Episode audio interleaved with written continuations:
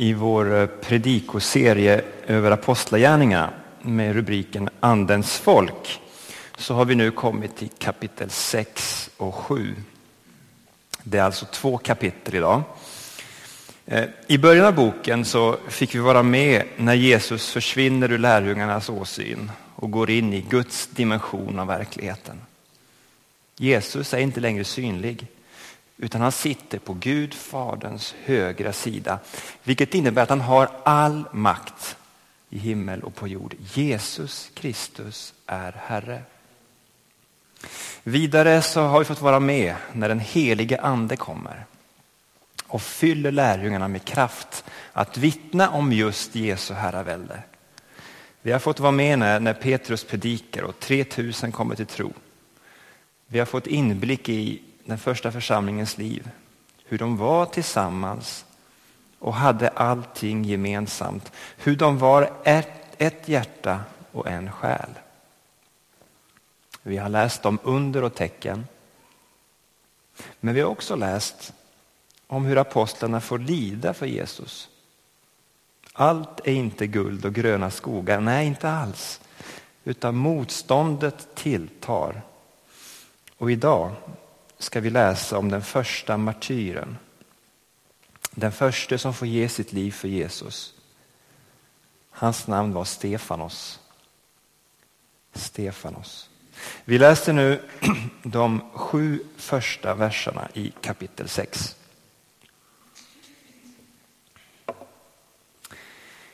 Vid denna tid, då lärjungarnas antal ständigt växte började de grekisktalande judarna klaga över att de infödda judarna åsidosatte deras änkor vid den dagliga utspisningen.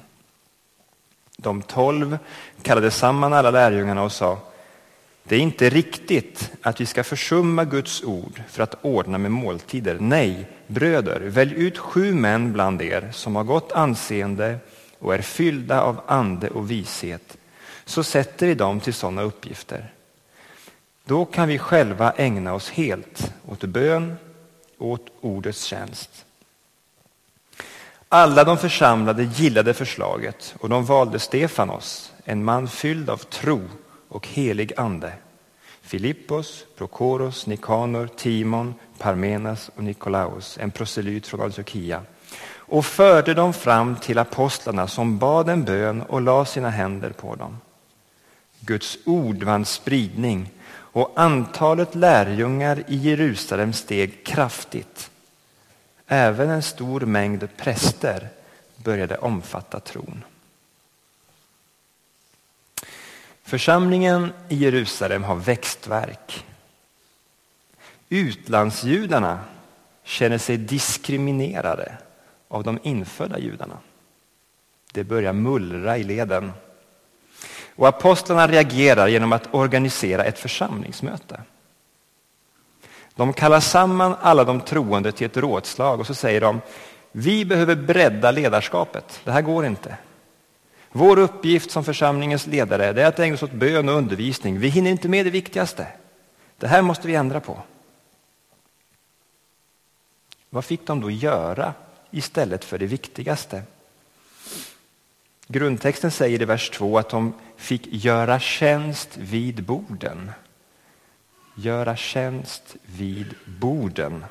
Det kan betyda att församlingen hade en typ av bespisning där mat delades ut, men, men ordet bord kan också betyda ett slags, ett slags kontor där man handhar pengar.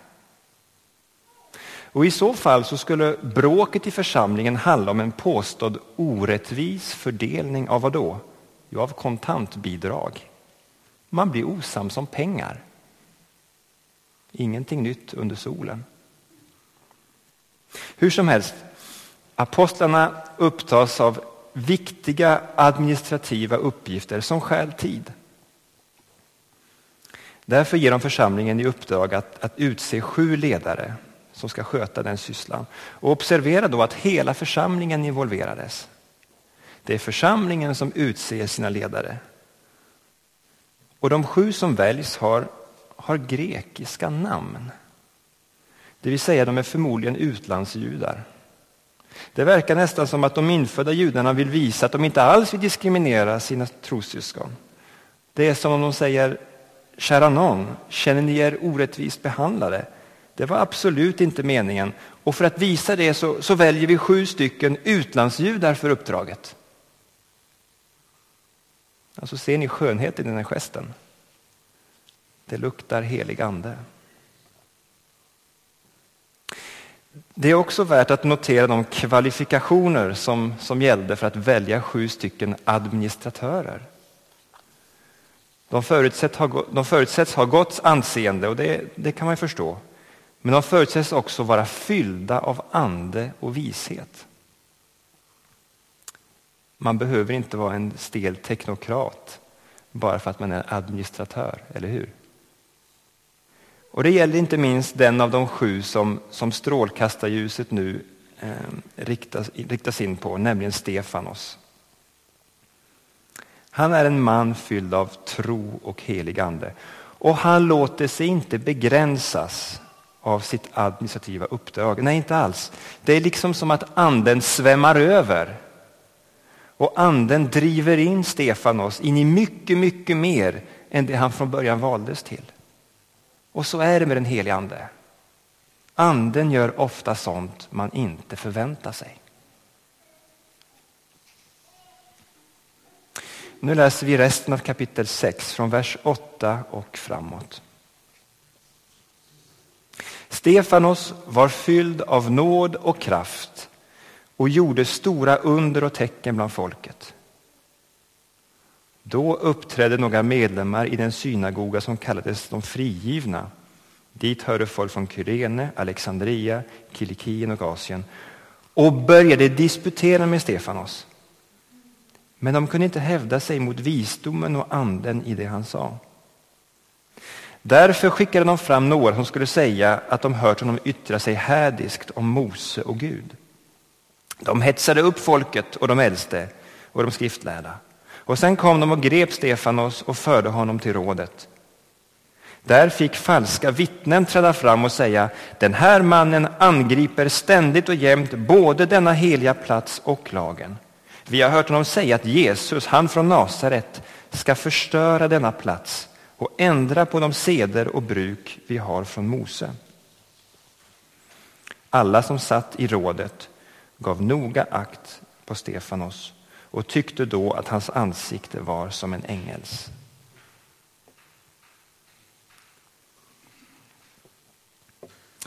Anklagelsen mot Stefanos handlar om två saker. Angrepp på Mose lag och angrepp på templet, det vill säga kärnan i judendomen. Han anklagas för ett slags kombinerat religiöst och politiskt högförräderi. Och I kapitlet som följer, kapitel 7, så får Stefanos komma till tals. Vi kommer inte att läsa hela hans tal, det får du göra hemma. Eh, men intressant nog så, så svarar han inte direkt på anklagelserna. Han gör inte det. Istället så, så återberättar han de stora dragen i Israels historia. Han backar bandet ända tillbaka till Abraham, folkets stamfader. Och utifrån det så sammanfattar han folkets historia från Abraham till fångenskapen i Babylon. Det vi får när vi läser kapitel 7 det är nästan en slags crash course i Gamla testamentet. Alltså en, en, en kondenserad exposé över huvuddragen i Gamla testamentet som ju är vår andliga historia. Om du känner dig osäker på Gamla testamentets nyckelpersoner och nyckelhändelser så skulle jag vilja uppmana dig att under veckan som kommer studera kapitel 7 i Apostlagärningarna. För om du pluggar in de viktigaste namnen där och den ordning i vilken de förekommer så kommer du ha en stor del av Gamla testamentets grundstruktur klar för dig. Så lär dig om Abraham, Isak och Jakob, om Josef och fångenskapen i Egypten, om Mose och befrielsen från Egypten, om Josua och intåget i landet, om glansdagarnas kungar David och Salomo, han som byggde templet, om folkets kroniska olydnad och exilen i Babylon. Allt det får du i kapitel 7. Så studera det under veckan som kommer. För som andens folk så har vi en andlig historia. Gamla testamentets historia. Åter till Stefanos. Varför gör han som han gör? Vad är hans poäng med den här crash coursen? Anklagelserna mot honom de gällde Moselag och templet. Och Stefanos han väljer att, att lyfta fram det sammanhang, det sammanhang i vilket Mose lag och templet figurerar. Alltså han drar hela storyn och hans poäng är att själva storyn, det vill säga det som står i Mose lag och det templets historia handlar om, just detta vittnar om vad då? Jo, folkets kroniska olydnad. Gamla testamentet talar om folkets uppror mot Gud och Stefanos poäng är alltså att det är likadant nu. Han går till historien för att tolka det som händer i nuet. Folket är rebelliskt nu som då. Och vi går nu till, till vers 51 i kapitel 7 och läser till och med vers 53. Och det här är Stefanos slutsats, hans avslutning på den här långa eh, exposén över Gamla testamentet. Och då säger han så här, styvnackade är ni, oomskurna till hjärta och öron. Alltid gör ni motstånd mot den heliga anden, ni som era fäder. Finns det någon profet som era fäder inte har förföljt? De dödade dem som förutsade att den rättfärdige skulle komma och nu har ni förrått och mördat honom, ni som fick lagen utfärdad av, åt er av änglar men inte har hållit den. Det är skarpa ord. Uttrycket göra motstånd mot den helige ande. Det är intressant tycker jag. Göra motstånd mot den helige ande. Grundtextens ord för det här är antipiptete. Och då känner du igen det lilla ordet anti, eller hur? När vi säger att någon är anti så menar vi att den personen är, är negativt inställd. Stefanos anklagar sina anklagare för att vara anti den helige ande. Och det här skulle jag vilja dröja kvar en stund nu. Dröja kvar vid en stund nu. För även om det inte går att jämföra oss rakt av med det judiska ledarskapet som, som Stefanos konfronterar, så måste vi ändå fråga oss. Finns det inte en risk att även vi i Ryttargårdskyrkan idag, enskilt och som församling, i någon mån kan vara anti den heliga Ande. Jag tror det är nyttigt att man rannsakar sig själv ibland, att vi inte duckar för den frågan. Bara för att vår situation inte är direkt jämförbar med det vi läser om i texten så innebär inte det att vi inte kan lära oss någonting av det uttrycket. Göra motstånd mot den helige Ande, vara anti den helige Ande. Men innan jag säger något mer om det så vill jag betona att att jag vet att det finns människor här, eller hemma om, om du har laddat ner predikan från nätet. Att det finns människor som är psykiskt sköra och som riskerar att ta illa vid sig eh, av det här uttrycket. Man behöver inte vara profet för att veta att det är så, utan det räcker med enkel statistik. Så pass många är vi här. Och dessutom så, eh, som sagt, så är det en del som lyssnar på det här hemma i efterhand. Därför vill jag säga så här, du som är skör i ditt psyke, som, som kanske brottas med sjuklig ångest eller depression eller så. Det jag säger nu är inte riktat till dig. Utan det jag säger nu är riktat till stabila, stabila och kanske till och med lite självsäkra kristna som behöver skakas om. Sådana kristna som jag själv. Kristna som på det stora hela, som det går bra för i livet. Kristna som slumrar. Kristna vars inre eld kanske ibland är på gränsen till att falna. Det är sådana kristna som resten av predikan riktar sig till. Och nu till saken. Den helige ande är verksam. Det kan vi vara övertygade om. Gud är inte passiv, inte handlingsförlamad, inte paralyserad.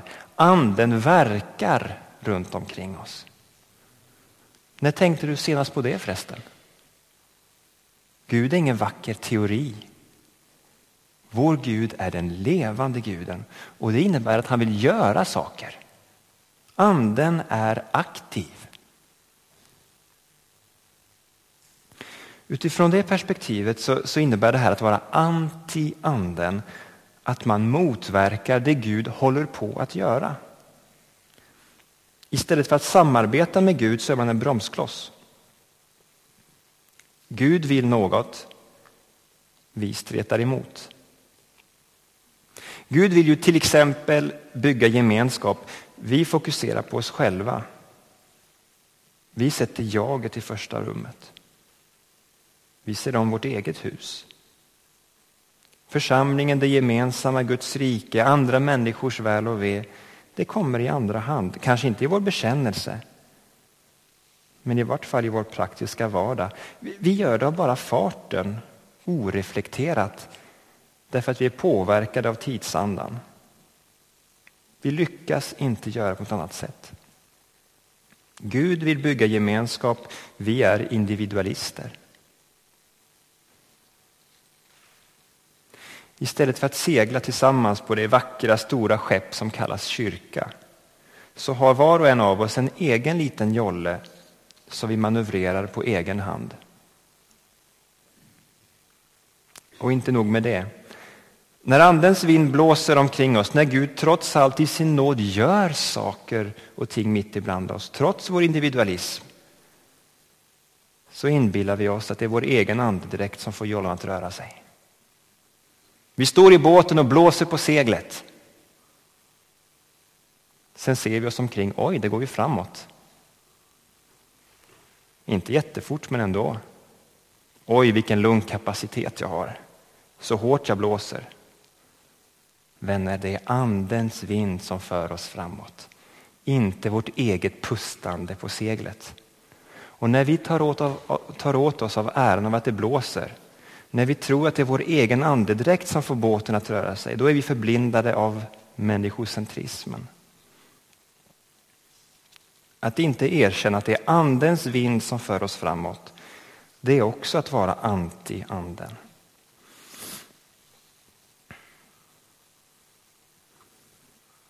Min bön till och från sedan ungefär en månad tillbaka inför den här predikan har varit, har varit och är Gud beskydda mig från att vara anti-anden. Gud beskydda mig från att vara anti-anden. Beskydda mig, beskydda oss. Fyll oss med den heliga ande. Så vi går dina ärenden, så vi kan se vad du gör i vår omgivning. Det finns ju en kontrast här mellan att vara fylld av helig ande och att vara anti-anden. Och Stefanos valdes av församlingen därför att han var fylld av ande och vishet. Hans motståndare däremot är anti. De ser inte vad Gud gör. De är förblindade av sina traditioner, sina vanor, sina ingrodda övertygelser. De har alltid tänkt på ett visst sätt och de vägrar se saker och ting ur något annat perspektiv. De är enkelspåra, enkelspåriga, fastlåsta i ett mönster av religiositet. Jag ska nu citera några provocerande rader från evangelisten Frank Mangs. Ni vet en av de mest kända profilerna i svensk frikyrklighet från under 1900-talet. Håll i dig nu för det här är starka ord. Men jag gillar dem för de har en skärpa så får den att haja till. Frank Mang skriver så här. Det finns människor som har precis så mycket religion att de blir moraliskt konserverade, men inte ett dugg mera. En del människor som påstår sig vara stadgade kristna och skryter över att de inte är så känslobetonade, att de behöver genomgå andliga kriser, är i själva verket ingenting annat än religiösa mumier. Lika torra och lika döda året runt. Man sliter kyrkbänken söndag efter söndag men är i själ och sinne främmande för andelivets verkliga pulsslag. Husch. Religiösa mumier, säger Frank Mangs. Det är starka ord, vassa ord. Det, det hugger till, eller hur? Och det Frank Mangs säger har mycket gemensamt med Stefanos ord om att göra motstånd mot den helige Ande. Och du kanske blir lite upprörd nu när jag läste det här. Och det blev de som lyssnade på Stefanos också. Vi läser resten av kapitlet, eh, kapitel 7, vers 54 till vers 60. När de hörde detta blev de så ursinniga på Stefanos att de skar tänder. Men fylld av helig ande riktade han blicken mot himlen och såg Guds härlighet och Jesus som stod på Guds högra sida. Och han sa, jag ser himlen öppen och Människosonen står på Guds högra sida. Då ropade de högt och höll sig för öronen och alla störtade sig över honom på en gång och släpade ut honom ur staden för att stena honom. Vittnena la sina mantlar framför fötterna på en ung man som hette Saul. Så stenade de Stefanos som åkallade Herren och sa Herre Jesus, ta emot min ande. Han föll på knä och ropade högt. Herre, ställ dem inte till svars för denna synd. Med de orden dog han. Den här upprördheten tar sig ganska drastiska uttryck här. Och att vara anti-ande behöver inte alltid ta sig sådana här drastiska uttryck. Förstås. Men vi har ändå någonting att lära oss här. Att vara anti-anden. Det kanske helt enkelt handlar om att det har gått slentrian i kyrkobesöken. Att sakta men säkert har det andliga livet eroderats. Eller det kanske är så att karriären, huset, prylarna, resorna har tagit över hjärtat. Det är lätt hänt att man åker dit. Och jag står inte här och dömer någon, för jag är själv drabbad. Jag talar delvis till mig själv. När de här religiösa ledarna får höra att de är religiösa mumier så blir de vansinniga. De lynchar Stefanos för de tål inte att höra det han har att säga. Hur är det för oss idag? Tål vi att få den ransakande frågan hur står det till med vårt hjärta? Känner vi Andens vind omkring oss?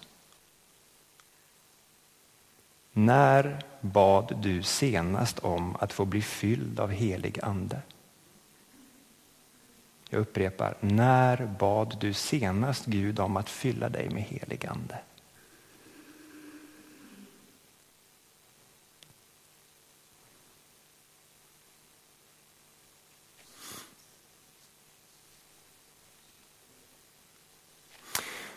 Vad ska vi ta med oss från dagens predikan? Tre saker. För det första har vi fått ett inspirerande exempel på hur det går till när Andens folk väljer sina ledare. Det var församlingen som helhet som valde de här sju administratörerna. Och de kriterier som gällde var att de skulle ha gott anseende och vara fyllda av ande och vishet. Det var det första. För det andra har jag velat påminna dig om att Gamla testamentet är vår andliga historia. Och genom att plugga in namnen och händelserna som nämns i Apostlagärningarnas sjunde kapitel så kan du få en slags crash course till Gamla testamentet. Det vill säga en grundkurs i hur Gud på ett speciellt sätt har verkat genom historien fram till vår frälsares födelse. Och att ha ett hum om det, det är viktigt. Det är viktigt. För Andens folk har en andlig historia. För det tredje, och det är vad jag mest av allt vill trycka på idag. För det tredje har vi funderat över vad uttrycket göra motstånd mot den heliga ande kan betyda för oss stabila kristna i behov av lite omskakning. Den helige ande verkar runt omkring oss. Andens vind blåser. Och som andens folk behöver vi idag hissa vårt gemensamma segel Så låt oss nu tillsammans liksom be Gud att skärpa våra sinnen så vi känner åt vilket håll andens vind blåser. Låt oss be om nåden att inte vara bromsklossar. Utan låt oss be om nåden att inte vara anti-anden utan istället bli fyllda av helig ande. Den bönen kan man aldrig be för många gånger.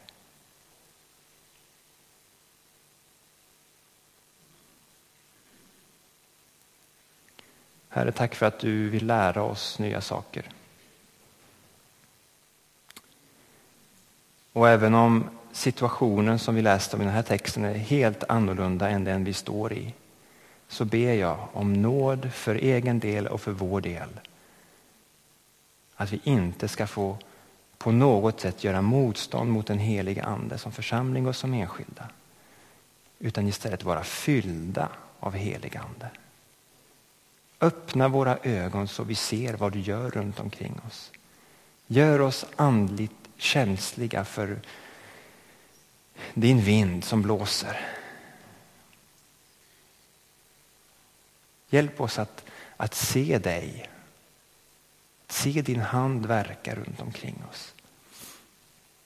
Tack för att du inte är passiv. Tack för att du inte är, eh, bara sitter med armarna i kors utan du verkar idag. Du verkar idag.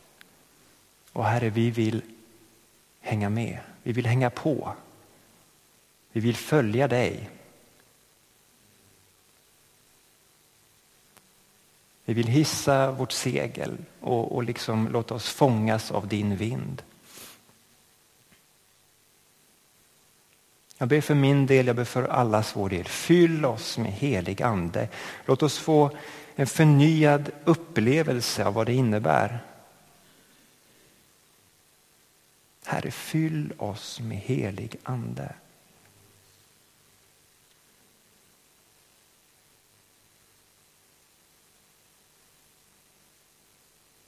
I Jesu namn. Amen.